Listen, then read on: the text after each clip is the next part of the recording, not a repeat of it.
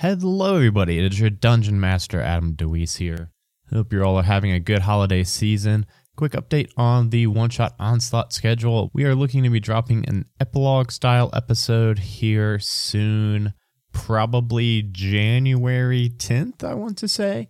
And then uh, it should right away, two weeks after that, January 24th, we should be picking up with campaign two or season two, I think is probably a better way of wording it. The gang are all going to be fresh level ones in the Adventurers Guild. And I cannot wait to see the transition from being level 20 back to level 1. So it's going to be a lot of fun. Can't wait for it. I hope you all are excited. Thank you all for being patient with us taking a little bit of a break between seasons. It's been a huge help to kind of get caught up on editing and things like that for the rest of the network.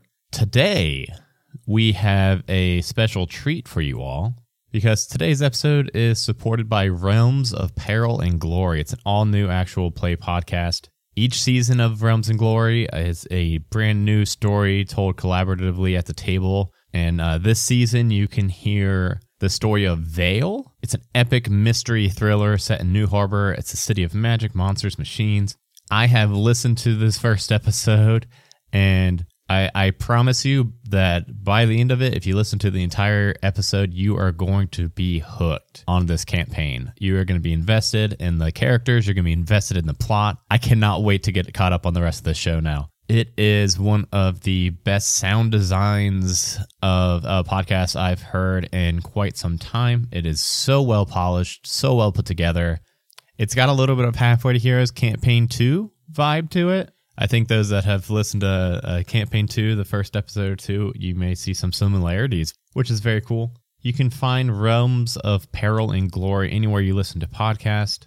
And I want to thank Realms of Peril and Glory for their support and also thank you all listeners for your support. I'm sure you're all going to really, truly enjoy this episode. You can also head over to www.lightandtragic.com slash goose to find all the other links for uh, their shows and their other episodes. I'll put a link down in the notes below. And uh, without further ado, thank you all so much for listening, and I will see you all soon.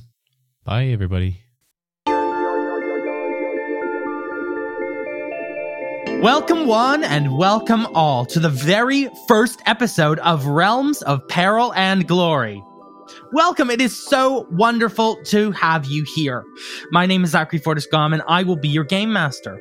Joining me is James Barbarossa. Hi, I'm James, and I'll be playing the voices of everybody that isn't the players that you're going to hear now or a random soldier. And playing with us is Maddie Searle. Hi, I'm Maddie, and I am playing Isadora Ravenwood, who is a first level half elf necromancer. I'm also here with Elizabeth Campbell. Hello, I am playing the second level orc rogue Zongroth Growlshack. Pip Gladwin. Hi, uh, I'm Pip Gladwin. Uh, I'm playing Tor Brennan, the uh, first level dwarf paladin. And also Laura Gerling. Hello, I'm Laura, and I'm going to be playing um, the level one high elf bard, uh, Meredith Winver. Amazing. Thank you very much, guys.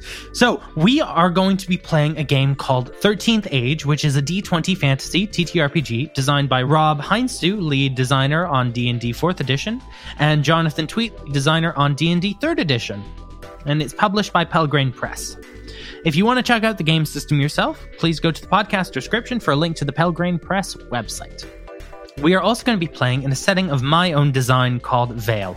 Vale is a world of magic, monsters, and fantasy.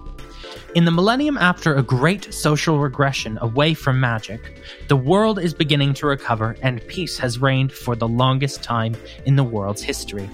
We'll be journeying through the city of New Harbor, the social and industrial metropolis of the Imperial Commonwealth. So, is everyone ready? Yes. Yeah. Ready? Yes. And let's get started.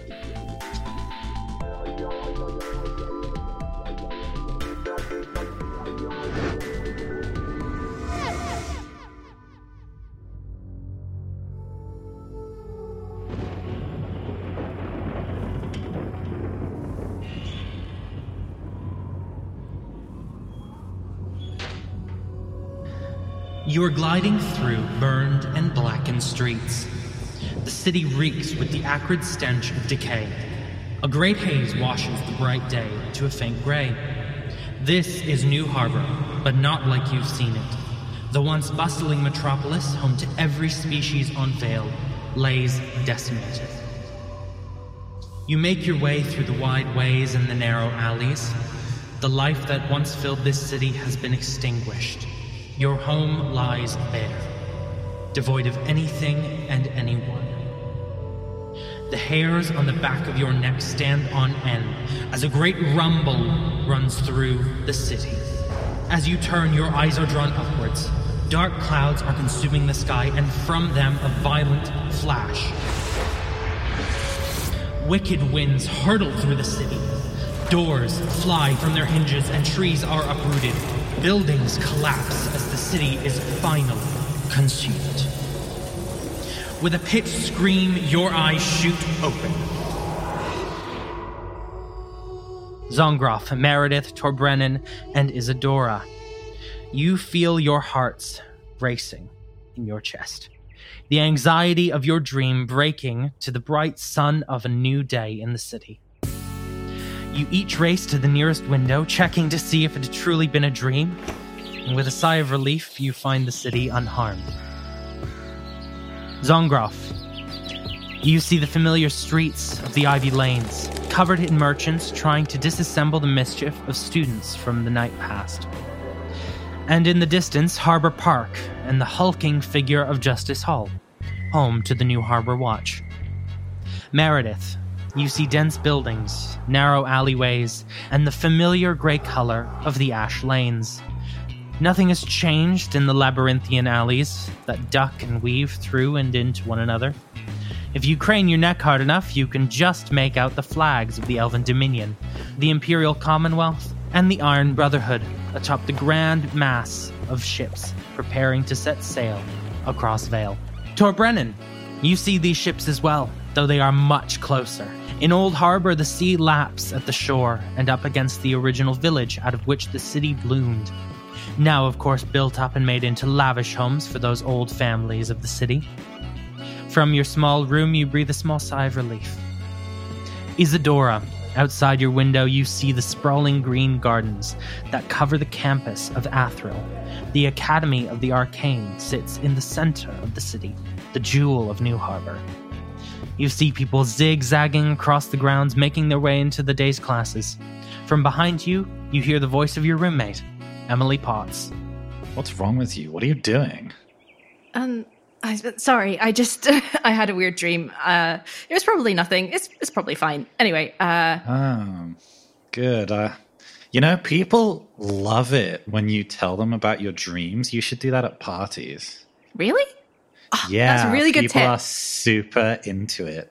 Every time you meet a new person, just tell them some dreams you had. They're so doesn't matter how boring. It's fascinating.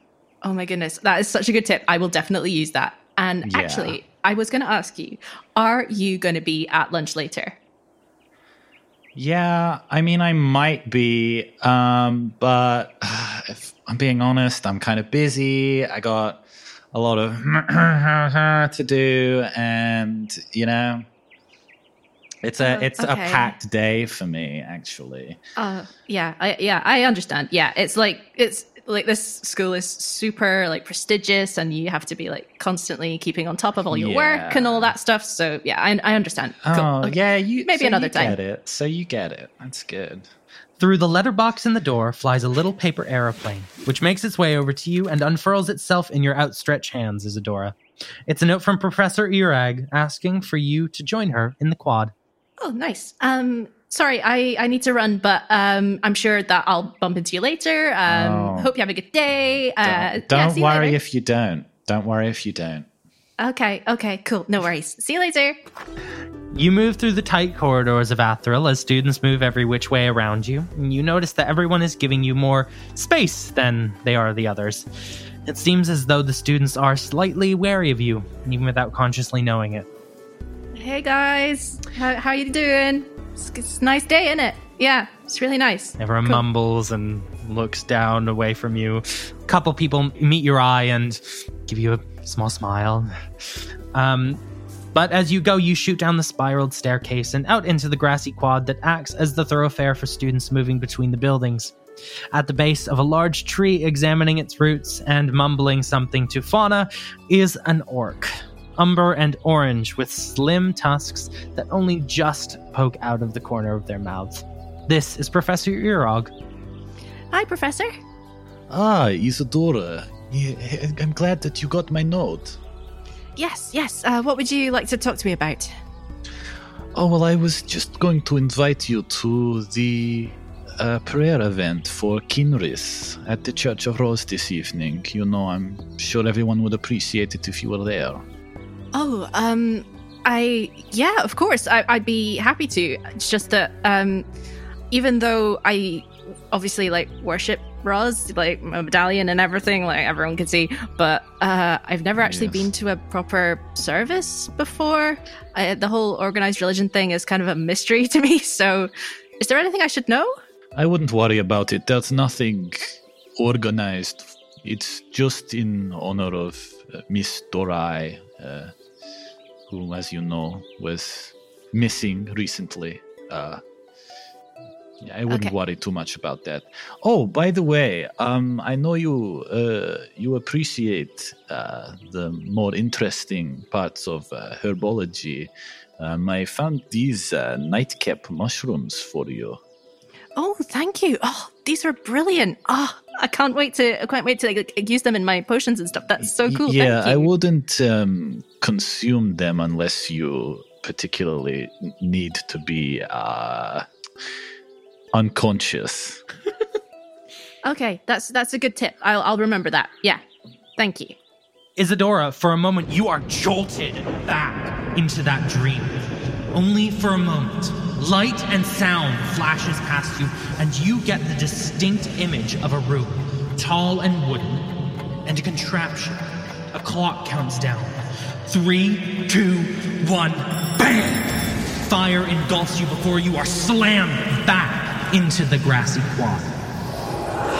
Nothing seeming to have changed. Uh, did, Isadora, did anyone, are you are you well? Did, did did you see that? There was there was an explosion.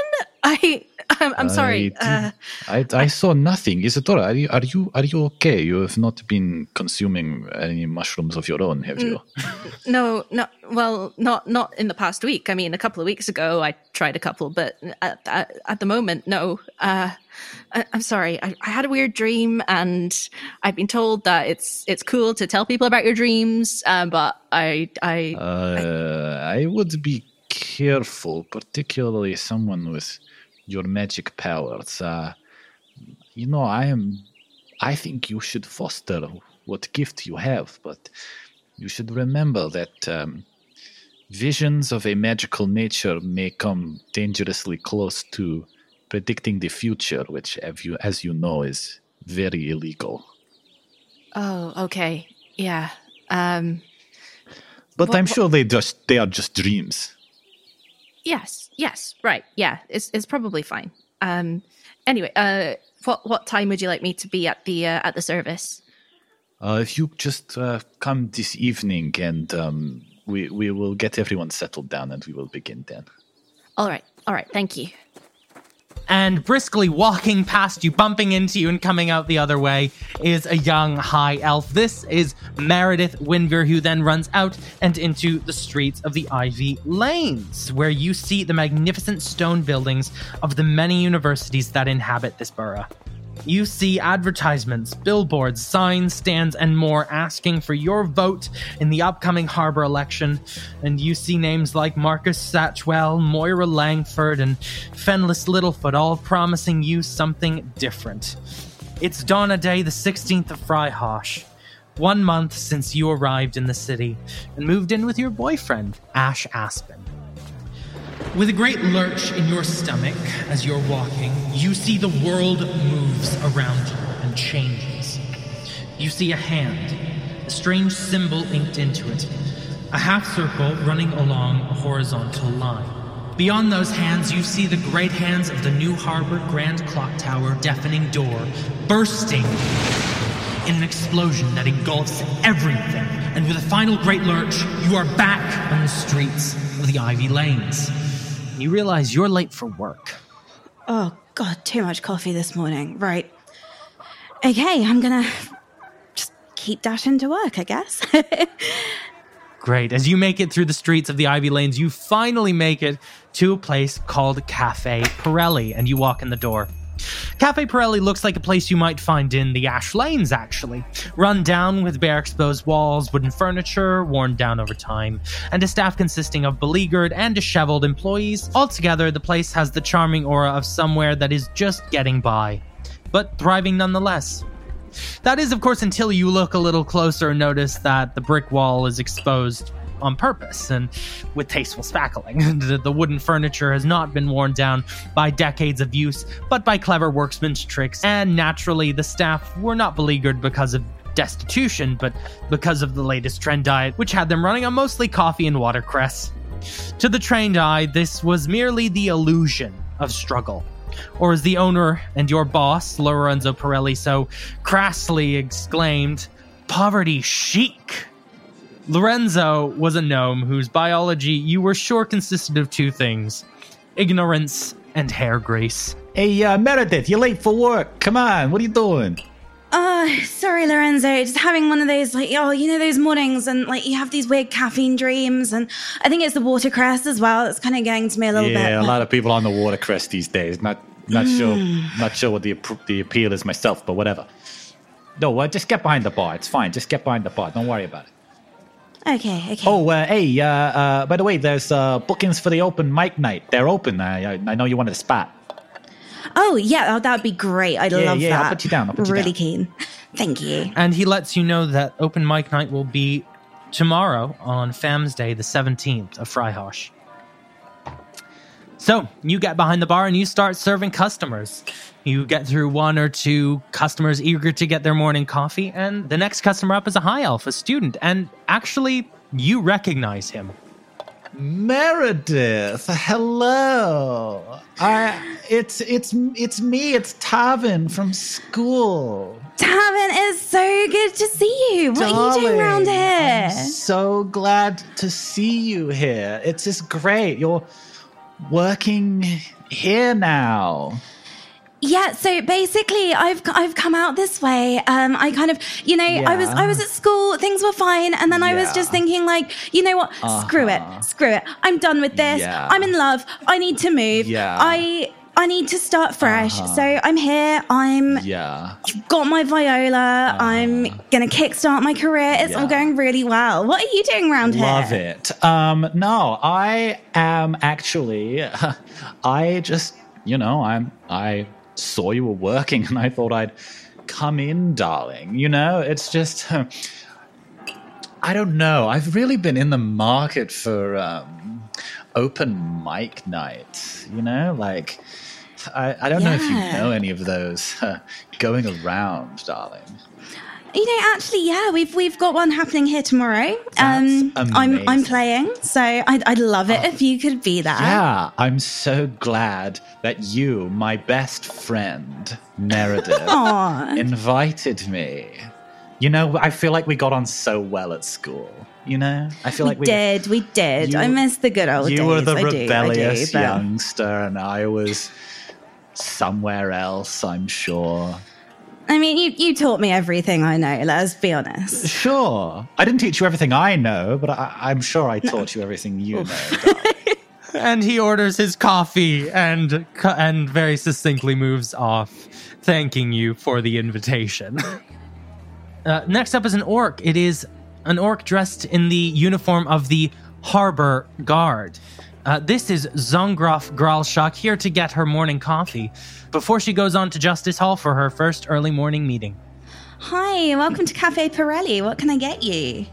Um, hi, just uh, just coffee, just black Okay. coffee, Because please. we've started serving this new thing here called the Winver Whip. Um, it's actually my specialty. Um, are you interested in trying one of those? Uh, not no, not today. Just just like just like a, a cup of black coffee. Just, No problem. I've got it. Cool. And I'll uh, make her her black coffee.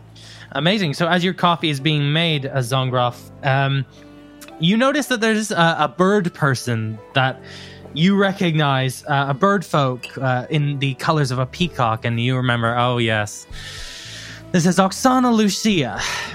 Yeah, I uh, I give a kind of half half wave, half smile in her direction. Oh, uh, uh, uh, uh, a Growlshack. Uh, it- it's Oksana Lucia for the Harbor Tribune. Yep. No, I yeah, I saw you. Uh, good, morning. Yeah, um, if I might ask, I hear you on a, a big case. Uh, right now, I'm I'm just getting coffee. That's that's, Well, uh, that's my case for the morning. I don't know. I mean, pe- I heard people are going missing, right? This is a big case for you, isn't it, for a junior officer?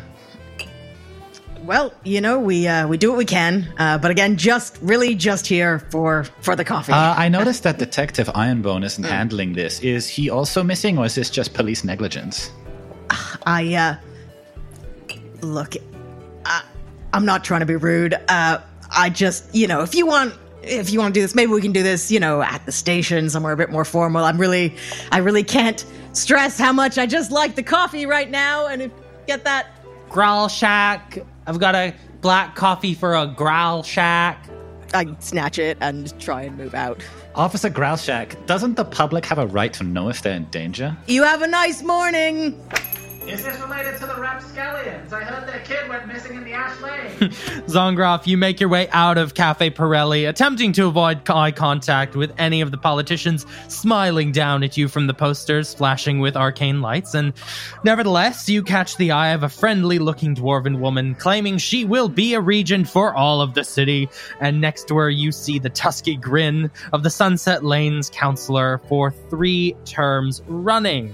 Your big sister, Vilskrat Gralshak. Yeah. Uh, I mean, it's a good photo. I'm not gonna lie. It's a good photo. With a sudden rush that you were not anticipating, the floor falls out from under you and you tumble through black. You feel yourself collide with something hard and wooden. Around you, you hear tick, and the huge machinations of gears and cogs all working together as one. Then you hear it again, different this time. Of a different machine now. The ticks and the talks transforming together into a symphony of automation until tick, tick, tick, tick, tick, tick, boom! You are slammed back to the streets. Your sister watching you, and you spill your coffee. Damn it. Ugh. right. God, that reporter. It's getting in my head. Just, ugh. I just kind of wipe the coffee off my uniform as best I can and just try and make my way to the meeting. Great. So you walk through the streets of the Ivy Lanes, zigging and zagging in between the different churches and universities spaces until finally you get to Harbor Park and you walk up the stairs. You arrive at Justice Hall, a gargantuan fortress that calls itself the home of the new Harbor Guard.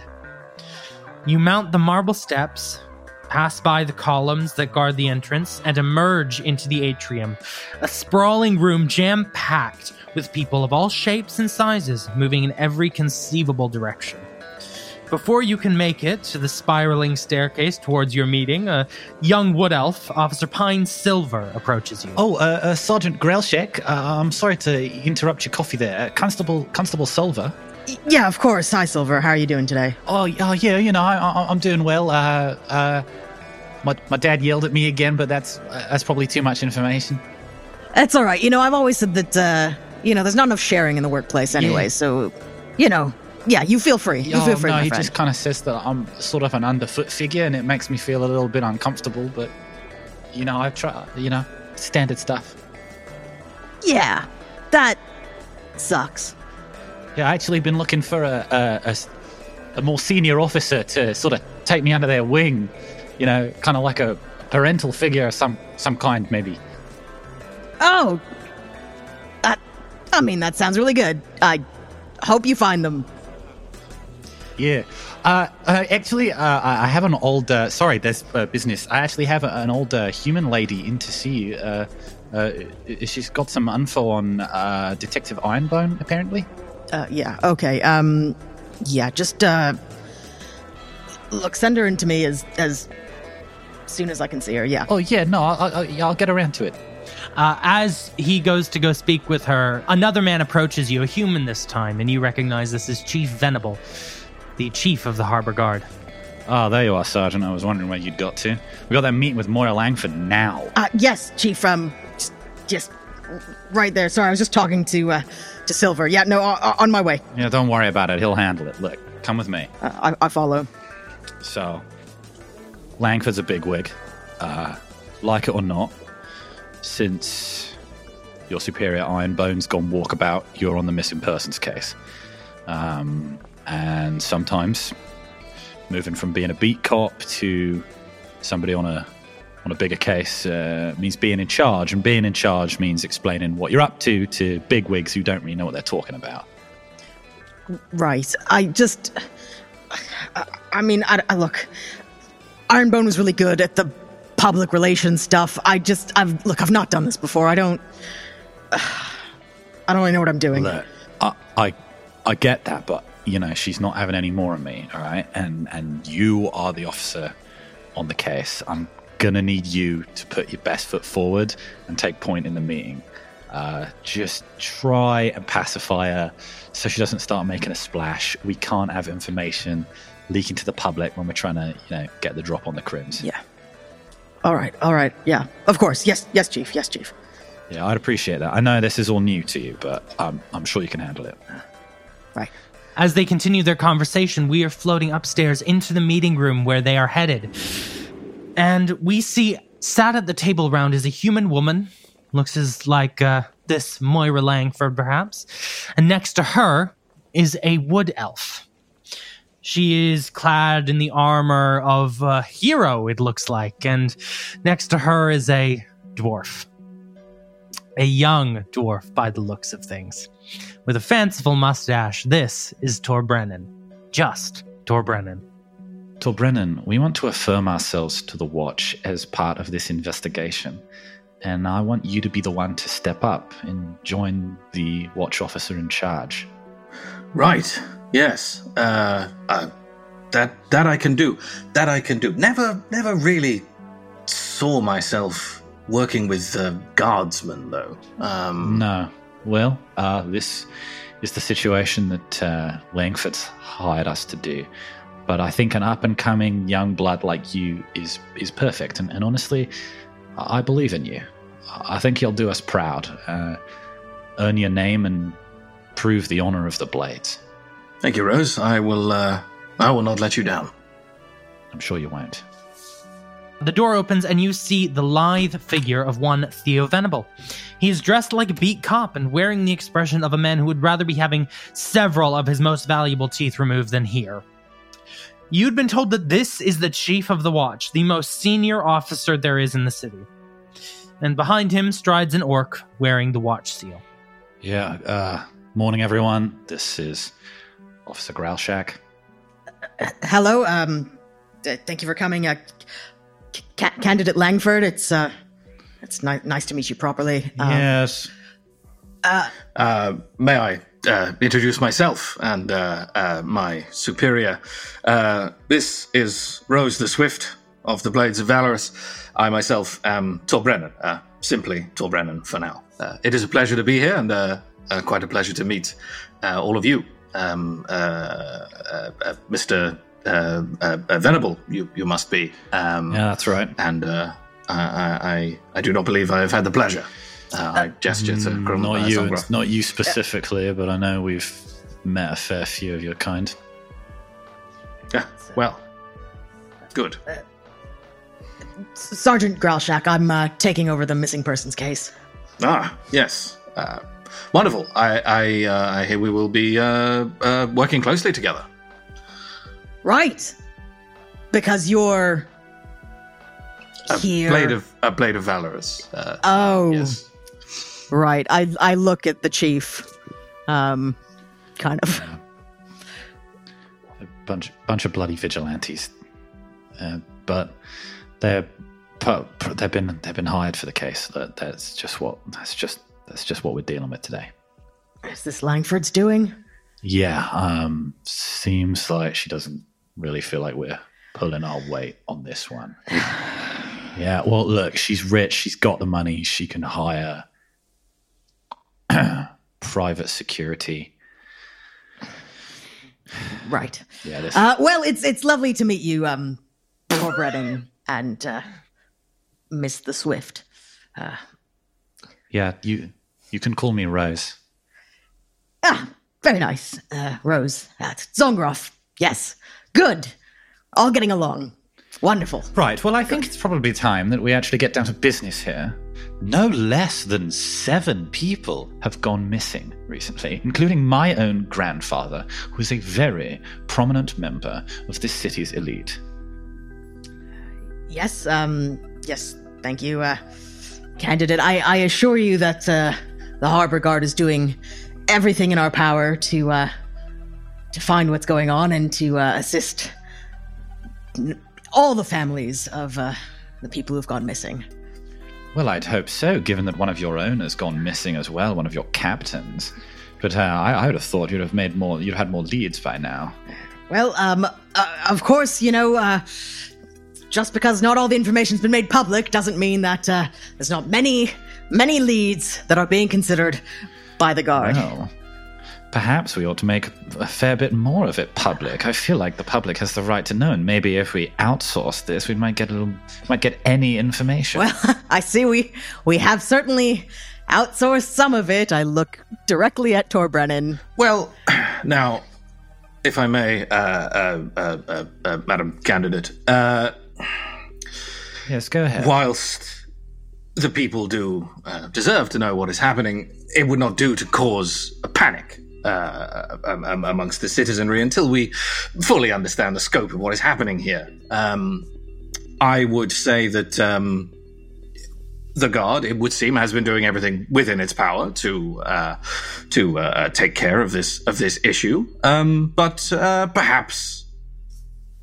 all respect, uh, perhaps the guard's power is not necessarily sufficient. Which is why you have hired us. And here we are. So I say, why are we wasting time around here? Let's go and get to the bottom of this thing.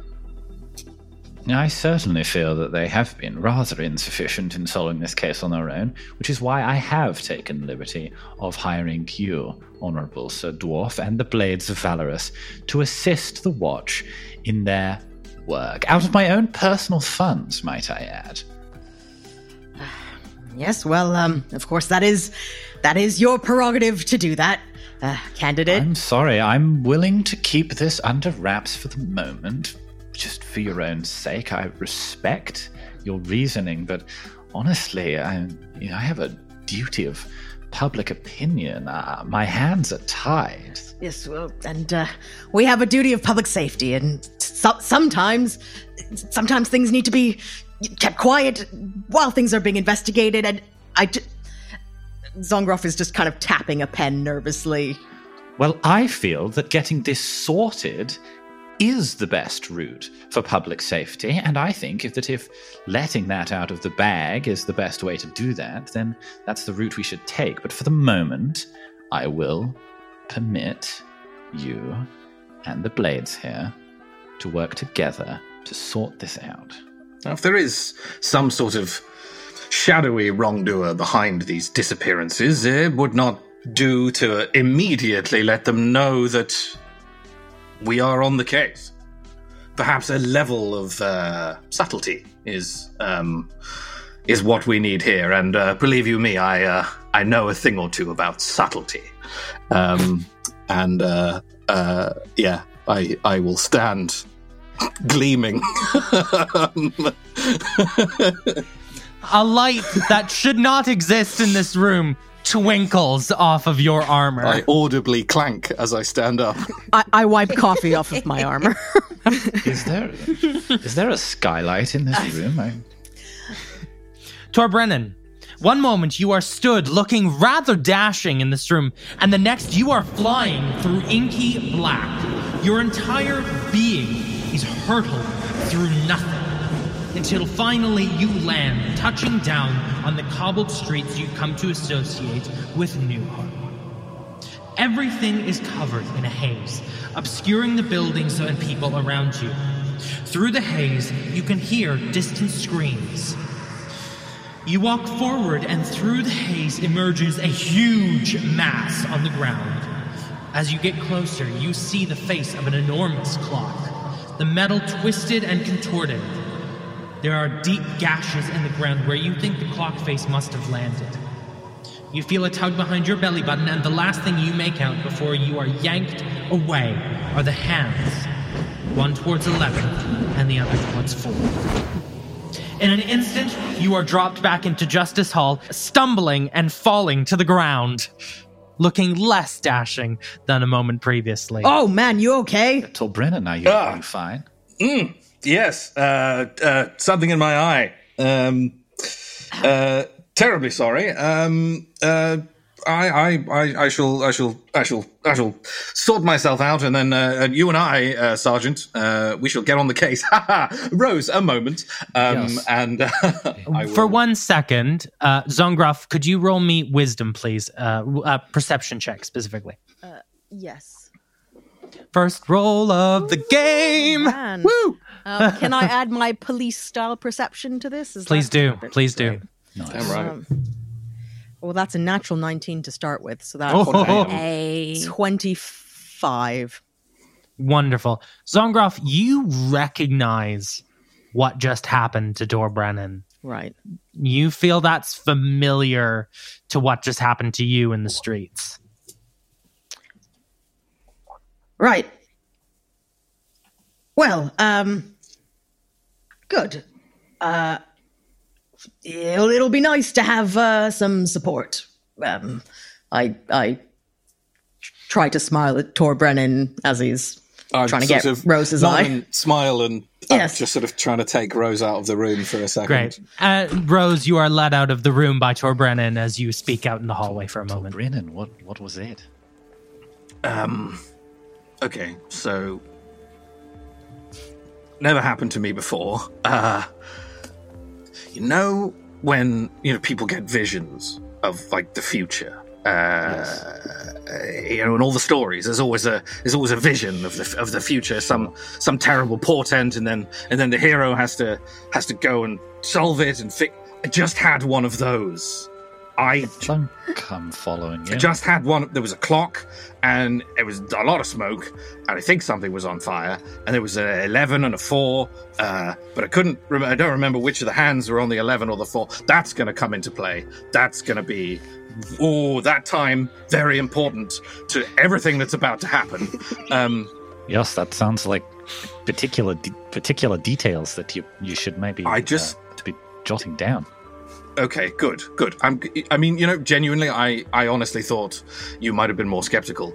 Um, so just Uh, well, uh, it, it's it sounds like that maybe this is something to do with your future here and your part in this in this quest. well, I, I mean, I mean that. Yes, I uh, would I'm. say maybe don't let it get in the way or let the watch notice that maybe you're, you know, falling over and seeing things. Well, oh, okay, sure. Um, I mean, you know, I I fell over a little bit. That's fine. Um, you went right over. all right. Just um, but- flat on the floor. Okay, It was embarrassing, honestly. I'm. You know, no, you're right. You're right. I mean, Tor Um, I, I believe in you, and, and I know you can handle this, but uh, I I think you, some level of decorum would be important. So not just rush at it head first, then. Well, I wouldn't say that. I mean, that, that is that's your biggest strength.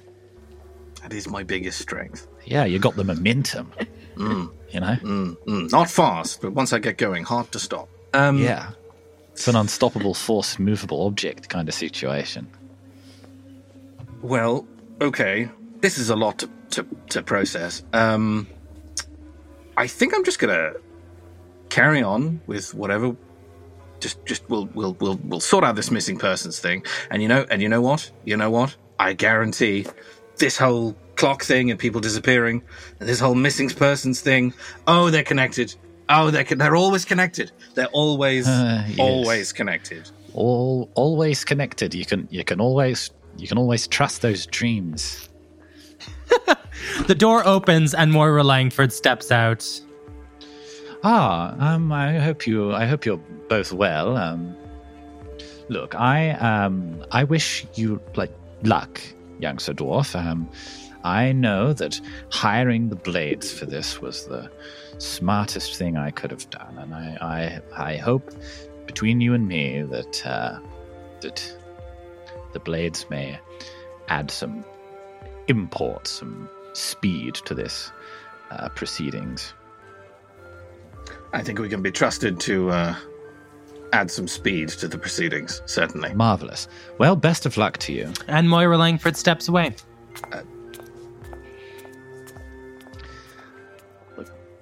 I believe in you, Tilbrennan, and I'm sure that whatever it is you're seeing, it's going to lead you in the right direction. I'm going to go and join uh, Moira. Uh, yes. Um, perhaps mention it to Elias if you see him before I do. You know, he's the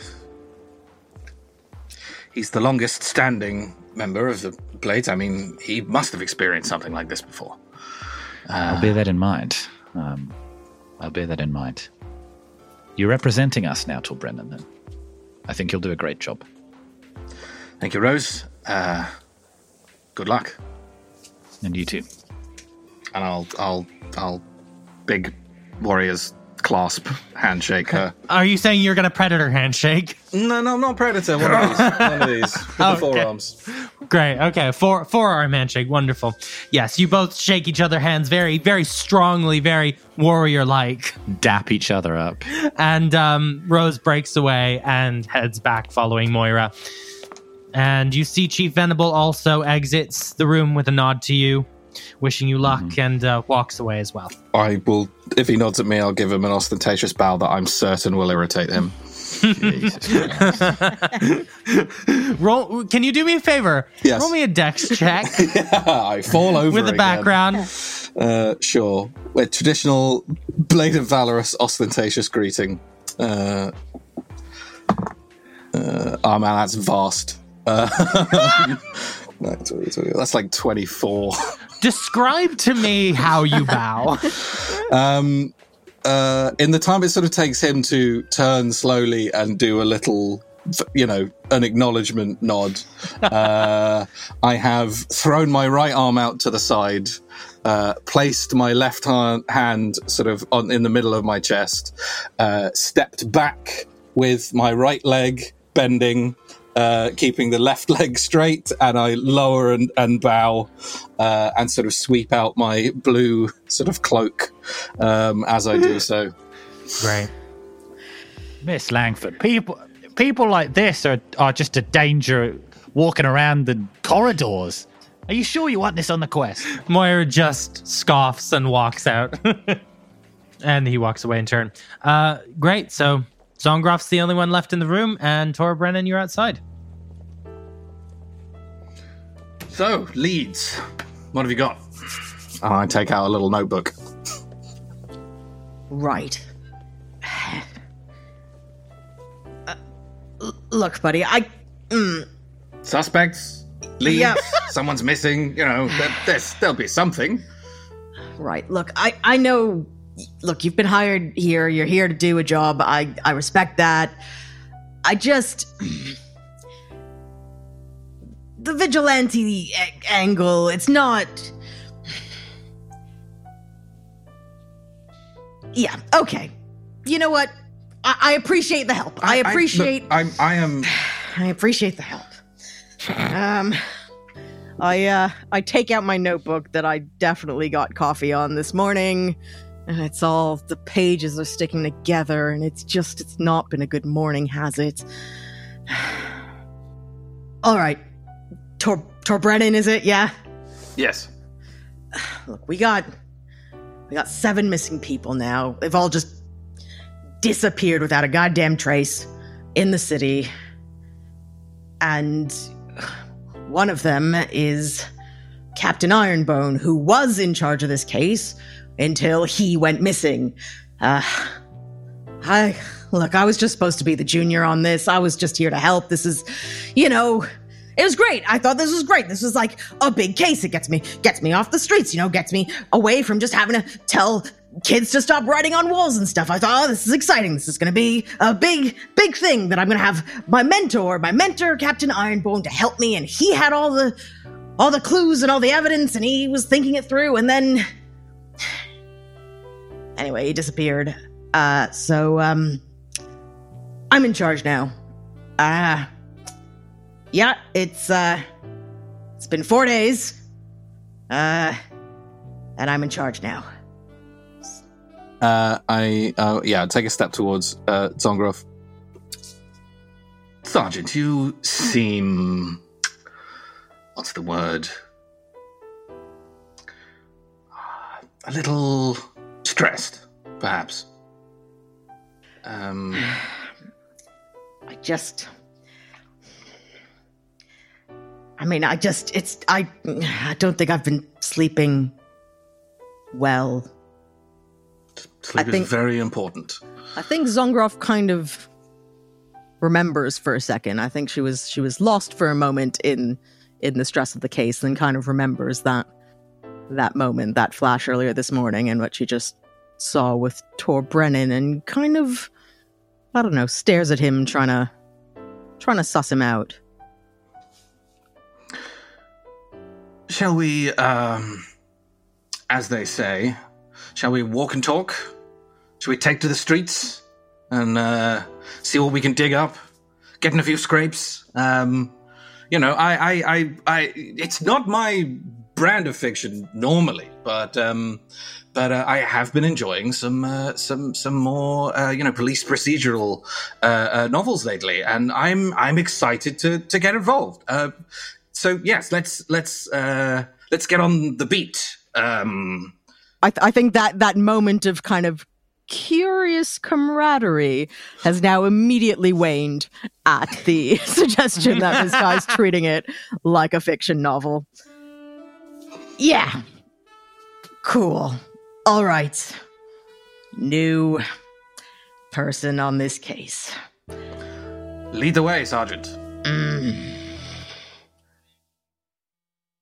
I'm going to cut away for a moment from Torbrennan and uh, Zongroff.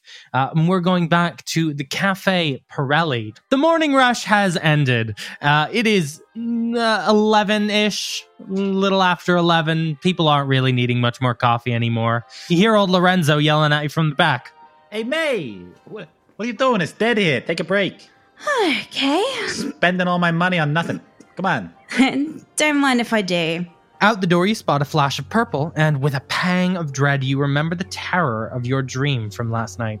You feel relieved as your eyes adjust, and you see that it's merely a half dark elf dressed in purple as she moves by. You see a flash for a second of her face twisted and contorted in a ghastly scream, and that same shape, a sphere bisected by a horizontal line. Oh, actually, Lorenzo, you know what? I think I'm just gonna like take a seat, have a coffee for a moment. I'm not feeling so great. Yeah, do whatever you want, but it's not. It's not a. It's not a tab. You gotta pay. Oh, I'm not made of money here. Come on. no, forget it. Into the uh, shop walks Isadora. Um, hi. Uh, I, I, uh, could I get uh, uh, just a latte, please? If you've got any like nice spices or anything, that would be that would be awesome. Oh yeah, yeah. We got some lovely spices here. I got some spices for you. Yeah, what kind of spices you after? You I got some. uh Yeah, I got some nice cinnamon. That's a good one. Oh yeah, yes, Uh, please. That would be great. Yeah, cinnamon latte. I got it. I got it for you. I got it for you. D- don't get up, I May. think she needs a Winver whip. Don't get up, May. What's what's a Winver whip? That sounds awesome. What is it? Oh my goodness. Okay, so it's the Not best. on the menu. So, oh. if you just, L- Lorenzo, just just let me make one, not on the and we'll see if she likes it. Look, it's okay. not on the look. I think I think we can let the customer decide. Yes, yes. Um, I'd, I'd if it's like off menu, that's like special. That would be really yeah, cool. yeah. It's it's like a it's like an exclusive thing. Oh my god, Um, that sounds amazing. yeah. So Meredith, roll me charisma check at advantage. twenty two. Yeah, m- he's pretty convinced. Yeah. If I get another one of those incidents, we're gonna have a problem. It's coming out of your pay. I don't know what you're referring to. And then I walk behind the bar, start making the coffee. I did get I did get you to sign that non-disclosure agreement. That's fair. We are pretending that didn't happen. Sure, sure. Meredith, can you roll me a intelligence check to see if you how well you can make this Windveer whip? Oh, I can make it in my sleep. Uh, oh, maybe not. I got a 10. Woof, but boof. So um, you're struggling to put together Or the a 12 coffee. with background. Can we say that? 12 with background. You're still struggling to put together this coffee. You should be able to make it pretty well. You don't know why really you're struggling. long, confusing morning. you keep having these flashes of Isadora's face. You keep the flashes of this woman screaming, uh, and you remember kind of the horrible vision you had this morning as you were walking into work. It's really throwing you off. Hey, you don't have any like hand tattoos, do you? Uh, no, I don't actually have any tattoos. Uh, No, no. I keep. Oh my god! You just ever have those days where you just keep like things are just weird. Things are just a bit odd. yeah, actually, I like I had this weird thing earlier when I was meeting up with my with my tutor, and like I had this weird flash dream vision thing where everything was exploding and it was all weird, and I didn't like it, and yeah. Oh my god! Yeah. So like that that big clock, that massive clock. It's it's freaking me out today. I just can't even look at it. I just start to feel a bit emotional about it. You know.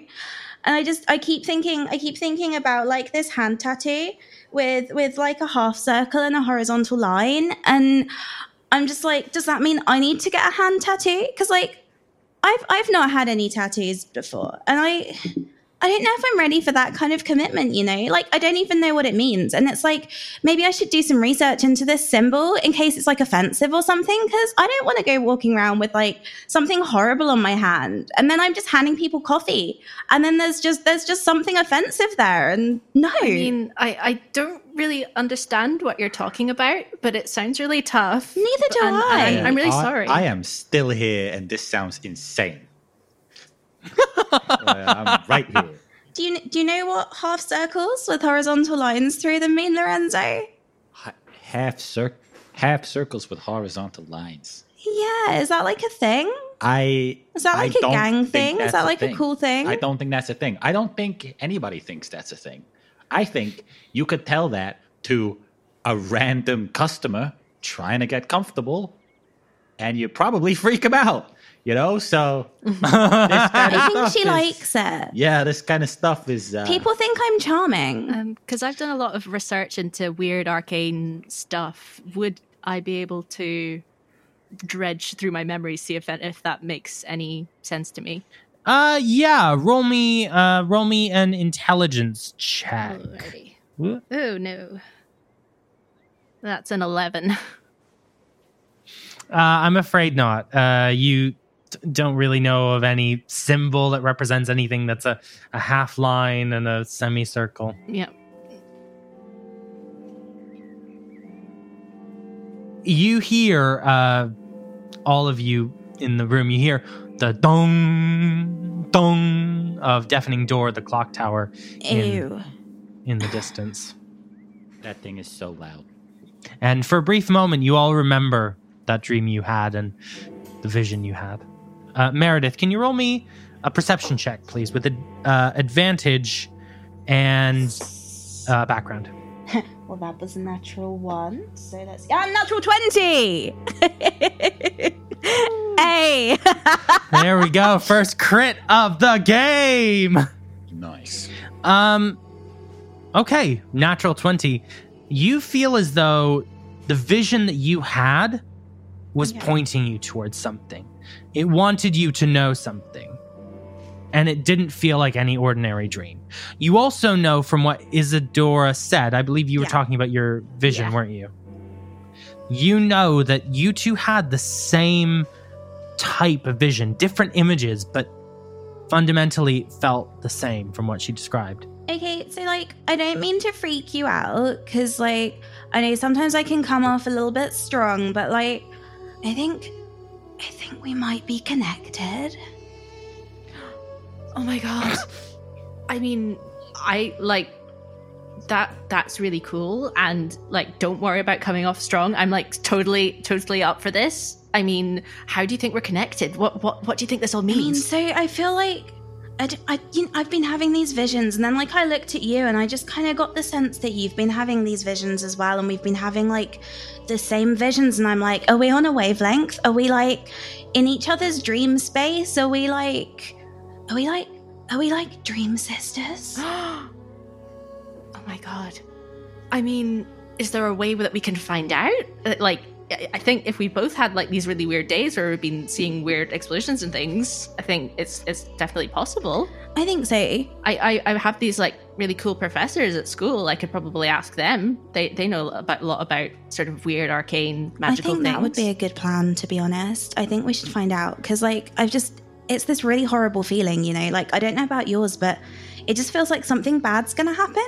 Um, and I Yeah, feel like feel good I should all. Uh, probably kind of be doing something. I mean, we could go and ask my my professor Yorog for help because um, they ha- they know a lot about like um, well, actually, maybe not them. They know a lot about plants. That's probably not useful right now. Anyway, uh, I mean, yeah, I think there's a time and a place for plants, and I don't think this is the time and the place. But like, I'd love their tips on some maybe some just good plants for interior decorating. To be honest, like, I mean, I'm staying in a real grimy place right now, so yeah. Um, I think I need some house well, plants. if you ever need a, a shopping Anyway. buddy, I mean, this gal right here. I'll hit you That up. be so great. That be so good. Anyway, um, yeah, visions. Weird. What should we do? What What should we do? I mean, I don't know. I kind of feel like maybe we ought to kind of go investigate this clock, but at the same time, the clock freaks me out and I don't want anything to do with it. So- Yeah, yeah. It. Um, yeah, I remember like something counting down to one and then exploding, and I don't want that to happen to us if we go there. But also, we're probably not going to know what it is unless we go there, and mm, I don't know. Did you have any like specific times in your dream? No, don't think so. No. It was just, yeah, it just counted down and it was a tall room. It was made of wood. That's, that's all I remember, really. Well, maybe if we go and we just like avoid the time, like avoid going on the hour, so we're not there when it chimes, we'll be Okay. safe. Okay. I reckon. I think that's a Yeah. good plan. I think I made a really that good that is a here. really good plan. That is a really good plan. Okay, let's do it. cool. That's amazing, Sweet. you know. And I think uh, for for when you get dreams, I think what's it's important to do is uh, I've heard that you should uh, always be generous. You know, give out the energy you take in. And I've heard uh, soul soul dream sisters always tip. That's what I've heard. They always tip. Oh, really? Oh, Yeah, always. It's a, it's like a sow the seeds, you get it back kind of thing. Oh my Yeah, God. yeah, yeah. Okay, I got a tip jar. I got a tip jar uh, for for yeah for for May, obviously for May. Yeah. May's May's. Yeah. Yeah, and I did. I did also hear that Soul Dream Sisters do buy each other coffee from time to time. I have And, also uh, heard that. wow. I have also heard that. The most expensive one on the menu, I've heard. you guys know so much. I could learn so much from you. Okay, right. Let me get my purse, and I'll I'll get my purse out and like Fantastic. tip extremely generously. Oh yeah. Thank you so much. You're very welcome. It's uh, five silver pieces for each uh, coffee. Alrighty. Yeah, that's definitely five silver pieces worth of uh, positive energy that's gonna go uh, back to you in your uh, your visions or your dreams or your, your your miracle quests or whatever. Oh my goodness, thank you. Isadora, could you roll me an intelligence check, please, with advantage? Certainly. I got a 21. F- Five silver pieces is, you know, not not not out of the question for coffee, but it is certainly on the high end of how much one could charge for a cup of coffee. Oh, it is. is for the uh, for the Wimford uh, Wiltshire uh, uh, uh, whip weeping whip. You know, it's it's uh, it's the house special. It's the house special. You know what I oh, mean? yeah. uh, I May? mean, like, this seems like a. Does that mean I can put it on the chalkboard? that means you may absolutely put it on the chalkboard. It's all Thank you so seller. much. And then I'm just gonna scroll No, wait. I'm doing. I'm sure there's like some gorgeous calligraphy Wait, going permanent. on. That's permanent marker. on That's our- permanent marker. I'm just gonna. I'm just in a messy caffeinated scroll. I've written Winver Whip, five silver pieces. God damn it. That looks amazing. I'm so excited I could be here for this moment. This is like a new coffee being created. This is amazing. Thank you so much. I'm gonna have to get a new chalkboard. Hey, five silvers, five silver, five silvers, five silver. Come on. There you go. Here you go. Right, let's go see a clock. Okay. Um okay, I've got an idea that may or may not be a good idea and I would love your opinion on it. So, I love hearing I ideas. I have this thing I can do. It can sometimes freak people out a bit and I'm not sure like if it's totally necessary, but I would personally feel safer if I did this. So, I can create skeletons. And yeah, What? I can summon this skeletal minion. His name's Horace. He's lovely. Horace Boneman. He's my best friend. Um, and he can help protect us if anything weird happens at the clock tower. What do you think? So has Horace like always been a skeleton, or like was he once an alive man who then became a skeleton? And like has he always been like a skeleton that that you summon, or at one point was he just a, a skeleton, just an inanimate skeleton? Like Um, well, I don't really know. I'm still learning a lot about my abilities and things, and it's all a bit confusing, but I'm studying a lot. And what I think is, I think that I have summoned a skeleton that already existed somewhere in the world, and I don't know who it belonged to, but I call him Horace because that's a nice name. Horace is a great name. I think we should bring him along. I mean, like I've heard that like skulls are like on trend at the moment anyway, so mm. like Yeah. it'd be cool to be seen with someone like that, I reckon. Okay. okay. Right. Um, maybe we'll wait until we get into the clock tower before we do it, just in case, because I've I've made that mistake. Otherwise, a few everyone times. will want a skeleton friend, you know. Oh, and you yeah. can't just just be summoning skeletons for everyone. I know it's it's extremely special and important, and only for like the most important occasions. I completely agree. I feel honored that I get to see Horace. Oh, I'm so glad. Hey, uh, May, uh, if you're having uh, fever visions, it's pretty quiet here. Maybe you ought to just take the rest of the day off. Yeah, I was gonna. Thanks. Yeah. uh, all right. Have a good afternoon. Tell everyone about the Winville Whip, okay? I am not going to do that. and you walk out of Cafe Pirelli and uh, you make your way over to Deafening Door, the clock tower that resides in the same building as the Harbor Council. And we're going to cut over to Zongroff and Tor Brennan. You both are also walking through uh, I, the Ivy Lanes. Uh, you walk through Old Harbor. You're talking through the different aspects of the case, getting getting him up to speed. Tor Brennan, you hear the chimes of a bell nearby, and you look around and you see the clock face from your dream. It is deafening door. Um, I freeze and stare up at the clock face. Um, uh, what is the time on the clock face in this moment? the time on the clock face is eleven ten. And as I look at this clock face, that uh, I, I assume is very clearly the clock face from my uh, uh, my vision. Yeah, you reckon? Um, which in the vision do I recall which hands were pointing at which numbers? I have eleven and four, but you have eleven and four. Um, roll me. Let me think about this. Roll me perception again. yeah, Uh, at a disadvantage. fuck yeah, love a disadvantage.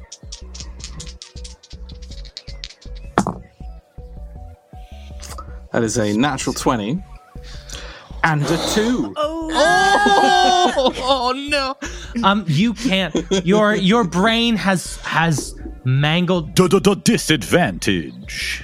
With my level, that's a three. Sorry, Zach. oh oh well three why didn't you say so I just want you to be able to be giving the correct amount of information. The disadvantage plus level. i prepped different information for a three rather than a two so this is handy um uh, your brain has really muddled you you can see both the long hand at 11 and the short hand at 11 likewise the same for the 4 Okay.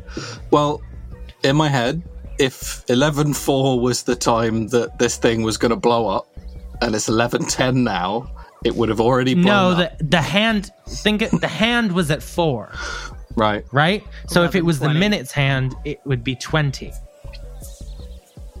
So it'd be, t- it'd be t- oh, I see. Right. Sorry. Yes. I'm, I'm, I'm, I'm, I'm remembering how clocks work. Uh, yeah Please, please cut this out. analog clocks Uh. really something we're gonna need to educate our gen z listeners on Um, Pip, you're doing it in character. I am doing a character. I'm an idiot. Um,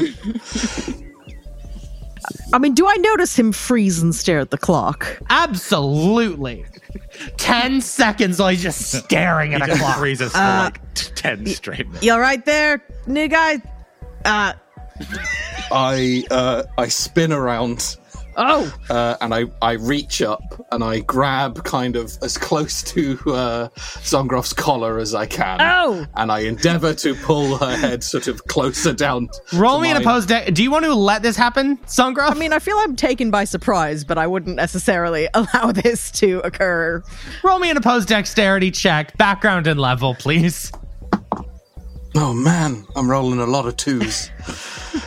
uh, I mean, I, I got an 18, I mean, you definitely Right. beat me. It doesn't. Uh, so I have a dwarf just tugging at my collar. I grab onto Zongroff's collar and just one arm pull up myself. to, Oh, I, I attempt to pull her down. It doesn't work, so I just pull myself up to, to Amazing. Zongroff's face. absolutely Uh, Sergeant, I have very Sergeant, I have very little time to explain this to you. I have reason to believe that something terrible is about to happen, and it involves that clock. We need to get up there, and we need to get up there now. and I let go, dunk back onto the ground, and I spin and I just charge towards the Wait, building. I don't know how awesome. to get in. I don't know how you get to the clock tower. I run at the building like while you're running away roll me a quick perception check I'm good at those. with advantage Oh, I'm yeah. Why? because it's obvious and no one's trying to hide it Uh, that is a uh, that's that's a natural one and a natural twenty. you see a person leaving the clock t- uh, door through the clock tower. The door is still open, and as the door is shutting, you shove your foot in, and you can get into the clock tower. well, hey, wh- where are you going? You get. Where are oh, you going? you see me disappear. I go into the clock tower. Guess gone. I chase after him because I guess he's my responsibility now. Great, you bolt into into the clock tower after managed to pull off the same maneuver as him getting into the door. Um, If I can add, if I can add one thing just on the end of that, just to upset, not just just to, just because I think this would upset and worry Zongroff even more. As I'm charging, as they get closer to the door, I think the thing that I catch the door with is not my foot; it's my sword. Um, this massive two-handed sword which I draw whilst running, Inappropriate! This is inappropriate in the streets! fling it open with the sword and just like disappear in, and you hear like a battle cry as I go into it's the building. reverberating. so um, Meredith, Isadora, do me a favor, roll me perception checks, both at advantage. All right. A 18. Oh, but with sorry, perception is. I know you just said it. Wisdom. Wisdom background level. Lovely. 24. 16. You both are walking towards the clock tower investigating things, and you see a dwarf draw a sword, screaming, running into the clock tower, and an orc in the harbor guard dr- uniform run after him, yelling, Hey, hey, you can't do that! Do I recognize that it's the orc that I served a black coffee to this morning? Yeah, and uh, actually, Isadora, you recognize the orc as well. Uh, this is uh, Zongroff Growlshack, member of the Harbor Guard. You have to check in with the Harbor Guard occasionally, and uh, let's just say there have been a couple incidents on the streets, those moments where you learn not to just summon skeletons Yeah. willy nilly. Oh, it's that that Sergeant Sergeant Growlshack? What? Why? why is she running after that that man with the massive sword? I don't know. And do you reckon they had like scary clock visions too? Oh my god! What if they did? What if they did? They might have done. I think we should follow okay. them. Okay. Yeah. Yeah. Let's do it. Let's do it. Okay, great. Cool. Yeah. Yeah. Totally going in the big clock. There not so weak. Come on, Tor Brennan. How about you, you filthy timepiece? and I'm the claw. Isadora Meredith, you run into the tower, still able to get in through the unlocked door, seemingly surprisingly. Can I can I just sidebar? Can I just hilariously sidebar? And this is a little bit meta, but I, I think that's okay. We're recording this. Like, straight up, that person who walked out is the person who did it. like, they've gone. Yeah. they walked out. That was go. them.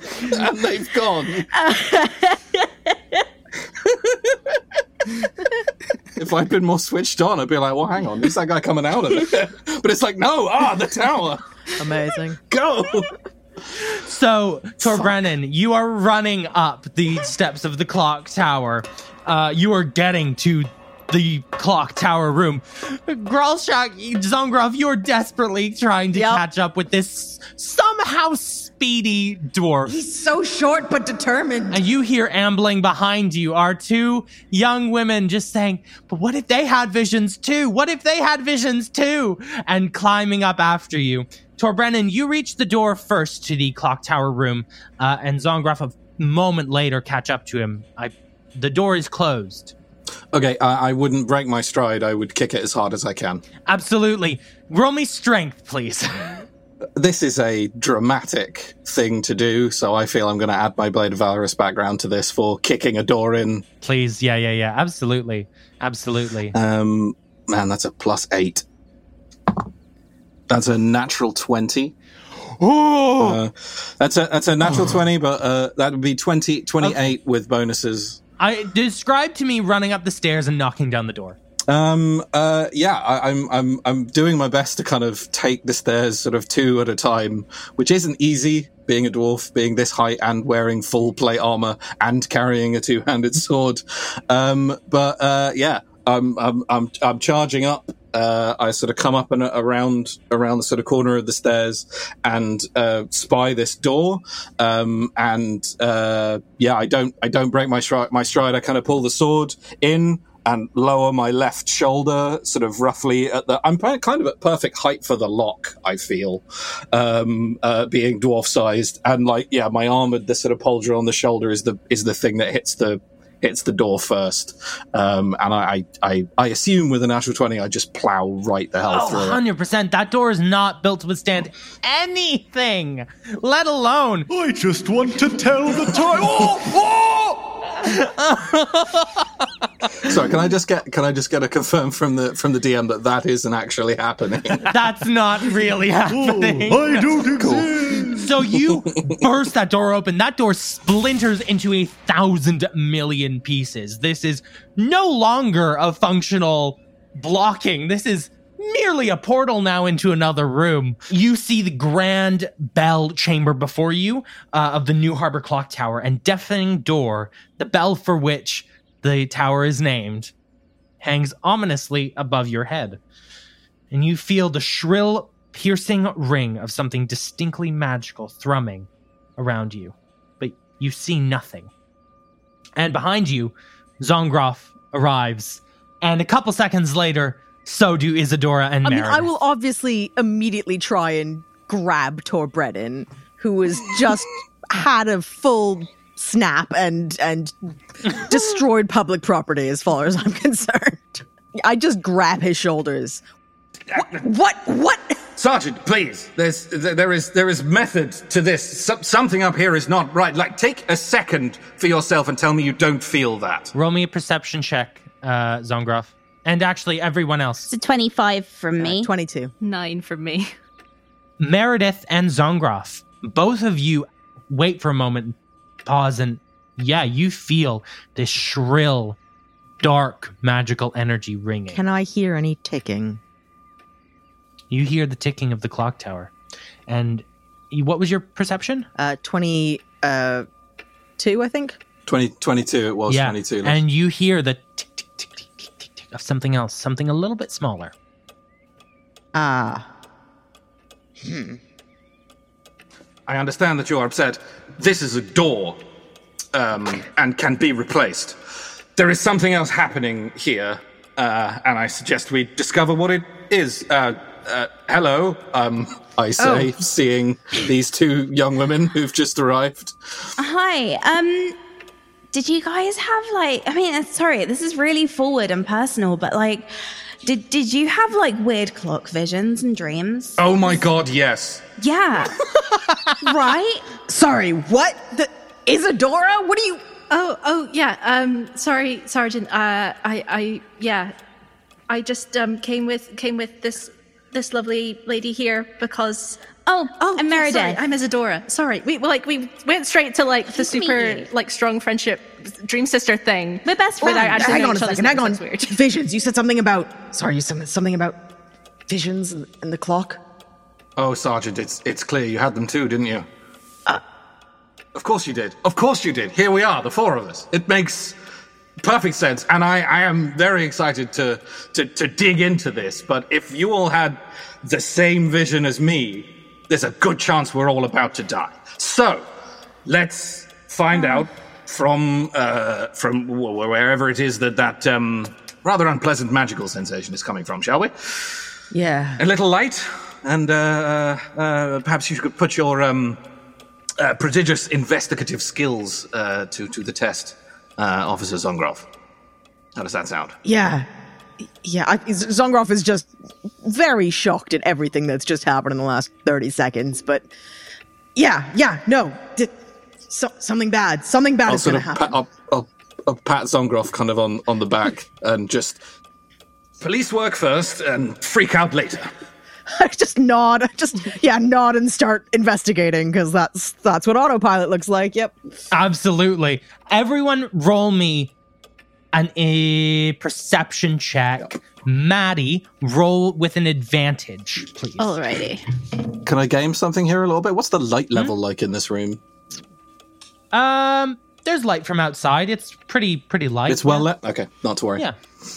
I rolled an eleven. I got a dirty twenty. This D this this this D twenty uh, apparently only rolls twos, so we're gonna put that one in the naughty D twenty jail. I rolled a 22 again. You all start looking around the room. Tor Brennan, you become you look up at the bell and you kind of start to convince yourself that the bell is definitely where the sound is coming from. Probably you can hear like some like reverberations off the metal or something, but you're like definitely sure it's probably the bell. Meredith, you are just looking in corners like there's something hidden somewhere, uh, but you don't find anything. Zongroff, you turn on that familiar panic police ear. You start like you're not even like looking, you're like listening more and like you're kind of echolocating this thing and you your foot actually finds it first. You stub your toe against something and you can feel a magical zap push you back. There's something here. Isadora, would you like to touch it? Um, yes. Isadora, you push your hand against what seems to be nothing. And then suddenly, the spell dissipates, and you see the shape of a sharp and brutal machine come into focus. Without a moment's hesitation, the machine jumps to life, seemingly aware of its detection. Metal slides against metal as two figures unfurl from the machinery and prepare to strike. Roll initiative. What is this mysterious machine? How does it relate to these ethereal visions? And can our heroes defeat these automatons? All this and more in the next episode of Realms of Peril and Glory. See you next time. Yeah. I Theme assume tune, that's- theme tune, theme tune, Theme theme tune, theme tune, theme tune. That's the theme tune, right? So, Maddie, can you let everyone know where they can find you? Um, you can find me on Twitter at Maddie underscore abstract. And on my Twitter, there are various links to other stuff that I do, including my old um, fantasy comedy podcast, The Prick Willow Papers, and stuff that I do for Rusty Quill, like Stella Firma and Inexplicables. So check it out. Check it out. Laura, what about you? Uh, people can find me on Instagram, Twitter, and TikTok under the handle at by Laura Gerling. I also have an Etsy shop where I sell handmade jewelry, accessories, and illustrated greetings cards and prints, and that is bylauragerling.etsy.com. And I'd love for you to have a look. James, where can people find you? Uh, I can be found on Twitter at uh, and um, also check out um, the Christmas special of You Awaken in a Strange Place, uh, which will be on the RPG feed um, at, around Christmas time, um, 2021. Pip, is there anywhere people can find you? I don't think there is, but. Yes, in fact, there is. I can be found beyond the Veil of Secrets in the Castle of the Night. The old troll knows the way, but you must answer his riddles three. Um, no, not really. Um, uh, check out Wooden Overcoats. I'm in that. Uh, and uh, yeah, some other stuff, the names of which I've forgotten. And uh, you know, you, you ever you know listen to some podcasts, and then like Yeah. one time out of fifty, someone at the end of it will say, featuring the voice of Pip Gladwin, you go, oh, I know that guy. He's that dwarf in that show. So uh, yeah. Great. And Liz, where can people find you? Um, you can find me on socials at Liz X Campbell. That's Liz, the letter X, and then my surname. Uh, and uh, when I do stuff, I uh, will post it on my Twitter. Great. So follow that. Follow that. Uh, you can find myself personally at ZachFG on Twitter and Instagram. You can follow Realms of Peril and Glory across all social media platforms at RealmsPod.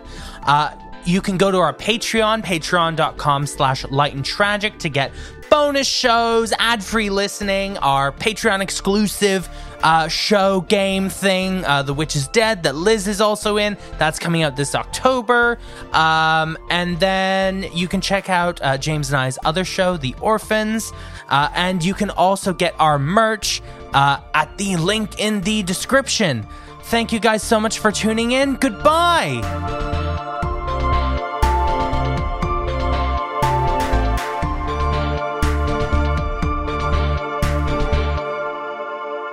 Goodbye, everyone!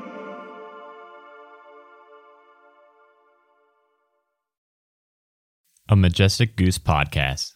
Honk.